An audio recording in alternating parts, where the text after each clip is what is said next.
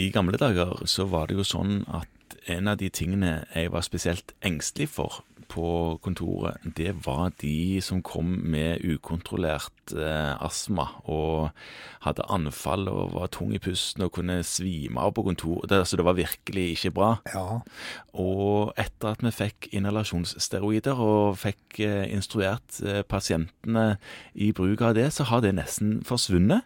Borte vekk, nesten. Og så kommer det pasienter med astma til meg nå som sier at de har hørt at det er noen nye medisiner som de gjerne vil ha. Og er det en plass hvor det er mye medisiner, så er det jo inhalasjonsjungelen. Ja. Eh, Og hva snakker de om da, for nye medisiner? ja, altså, nå skal det sies da at selv om du ikke ser noen med de alvorlige anfallene, så vet vi fortsatt at mm, rundt 70 av pasientene er ikke kontrollert når de har astma. De burde vært bedre De kontrollert. burde vært bedre kontrollert. Men Ah. de, de er iallfall mye bedre enn de var. Ja, de er det.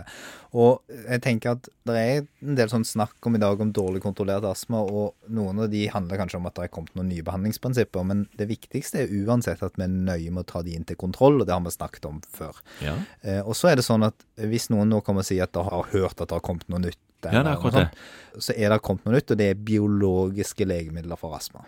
biologiske legemidler, ikke inhalasjonsdeviser og ø, sånne Nei, Sånn ting? det er sprøyter og infusjoner. Ok. Og det er jo kjempedyrt, det er ikke noe alle kan få. Hvem får det, da? Nei, det er da en forutsetning at dette er, dette er for å si litt om hva det er, så er det medisiner som går inn og reduserer, dreper, stopper produksjonen av aktiveringen av eosinofile celler Ok. via biologiske mekanismer. Altså, de er jo sinofile granulocyttene. Ja, de forsvinner fra blodbanen når du gir disse biologiske medisinene. Men trenger ikke du de, da? Hvis du får en hva da, parasittsykdom, er det ikke der de virker, da? Jo, Men du klarer deg fint uten? du klarer det fint uten. Ok. Så det er vist lite bivirkninger med det. Men det er klart det er dyrt, det er litt komplisert å få gitt, og det er et tilbud for de som har For det første så må du ha høye eosinofile.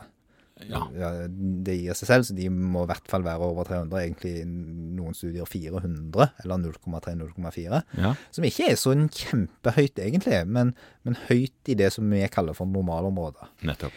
Og så skal du ha en astma som ikke er kontrollert på god konvensjonell behandling. Det vil si at de har tatt inhalasjonssteroider og en langtidsvirkende beta-2-agonist i kombinasjon. Mm. At de kanskje til og med har prøvd en langtidsvirkende muskrinreseptorantagonist. At de har prøvd Montelukast eller sånn. Ja. Og at alt dette er tatt på skikkelig vis. Mhm. På Over tross tid. av det, så er de altså ikke Hvis kontrollert. på tross av det ikke er kontrollert, så kan du henvise de til den typen behandling. Det er lungelegene som starter med Det er dette. lungelegene, og det er per i dag på såkalt H-resept. Så det er det lungeleger som, som skriver ut, og det går da over foretaksbudsjettet og ikke folketrygden. Å ja. Mm. Så Altså, det kan ikke vi gjøre, og det er klart det er òg litt styrete å få gitt dette.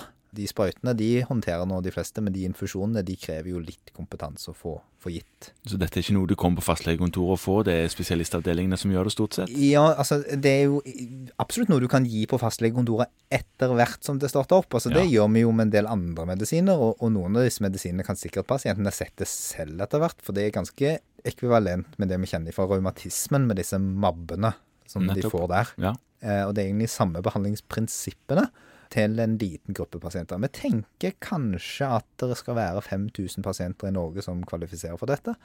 Og det betyr at du har én på din liste. Og da er det ikke sånn at du skal bruke hele din praksistid på å finne ut hvem den ene kanskje er, men at du skal være klar over at det fins for de pasientene som kan få et tilbud for å få kontroll på sin astma, som i dag ikke har det. Ja, det er jo faktisk noe nytt som jeg ikke hadde helt koll på. Nei.